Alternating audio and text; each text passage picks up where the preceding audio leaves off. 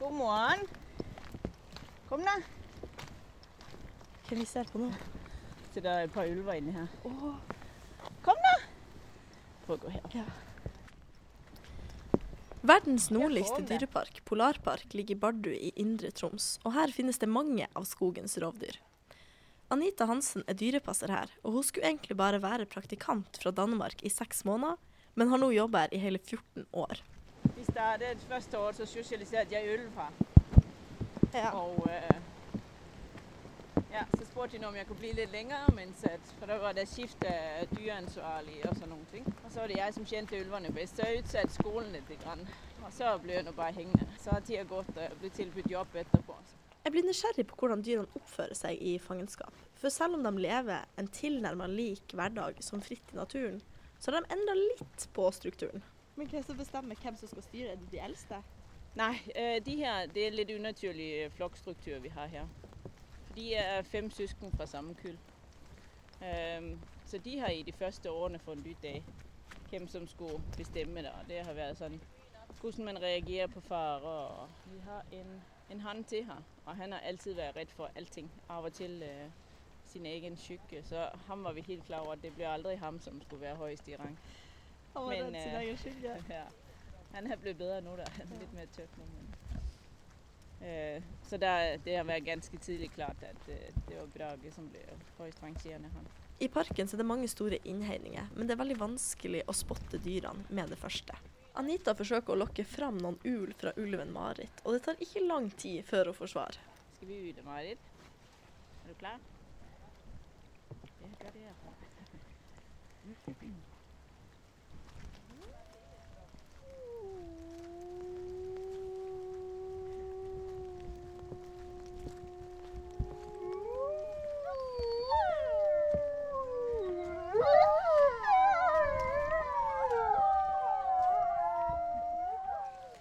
finnes en god del utfordringer med å ha dyrepark så langt nord, og hun Anita forteller om hvordan vinteren, som er rett rundt hjørnet, bruker å være. Vi ligger en plass der det kommer mye snø. Um, så sånn som i fjor, var det, eller siste vinter, og det kom så mye snø, da hadde vi utfordringer. Um, da måtte vi, vi brøyte veiene, men så ble det så høy kanter til slutt at folk klarte ikke å se inn til dyrene.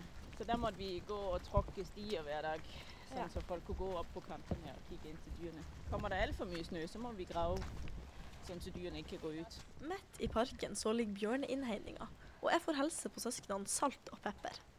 Salt hun er albino og er derfor hvit i pelsen og rosa på nesa. Og hun minner egentlig ikke så veldig masse om en bjørn. Salt ser ikke ut som en bjørn. Det er litt grisehår. Ja, hun ser ut som en gris på pelsen. Rosa snuten. Alle dyrene har hvert sitt navn i parken, men hun Anita hun bruker stort sett danske koseord når hun roper på dem. Bassen! Bort, bort, bort, bort, bort, bort, bort, bort, bort. Svisken! Bort, bort, bort, bort, bort, bort! Ja, mat! Bjørnene i Polarpark går også hi som ville bjørner. Men ikke alle bjørnene er like flinke til å grave sitt eget. Når går de i hi? Ja, det kommer an på været, men når frosten begynner å sette inn og sånn, så Men oktober-november måned. Så det er like før. Ja, de, vi ser at de begynner å bli sløve nå og sånn. Det er liksom maten de orker å komme for, så ellers så må man gå til dem. Uh, og så selvfølgelig så holder de på å grave hi og sånne ting nå. Lager en bjørn hvert sitt tid? Ja, egentlig så skal de det. Ja. Hvorfor ikke det? Salt hun bruker bare å lige forsikre seg om at Pepper bygger et stort nok hi til det er plass til henne. Eh, de har sovet i lag alle årene på nært et år. Da sendte han henne av sted igjen, så da måtte hun bruke et gammelt hi der. Et år så hadde han Truls, vår største han, han hadde gravet seg et hi og gjort klar. Og så på slutten, det var litt fram og tilbake, men til slutten så eh, endte det med at det var binderne som skulle sove der. da. ja. Men det var jo kun bygget for en hannbjørn. Og så lå de Da Der var May-Britt ikke så veldig stor da. Så det var to binder og så en, en unge. Men hele vinteren så kunne vi enten se en snute eller en rumpe som stakk ut, for det var så trangt der inne. Så det var helt i åpningen. I ei stor innhegning står det en ensom hjort som ikke kan være med de andre i paringstida.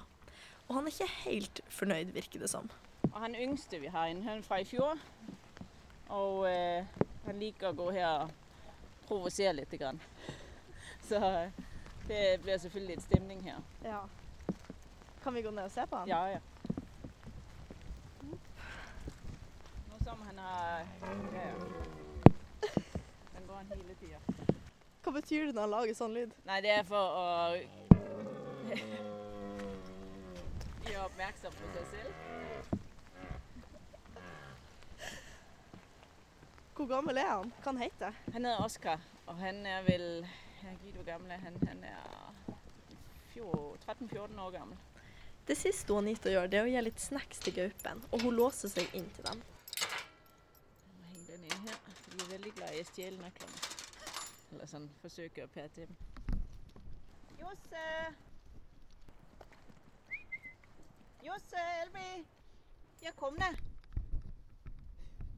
Sitter inne i huset og overveier om det er verdt å gå ut.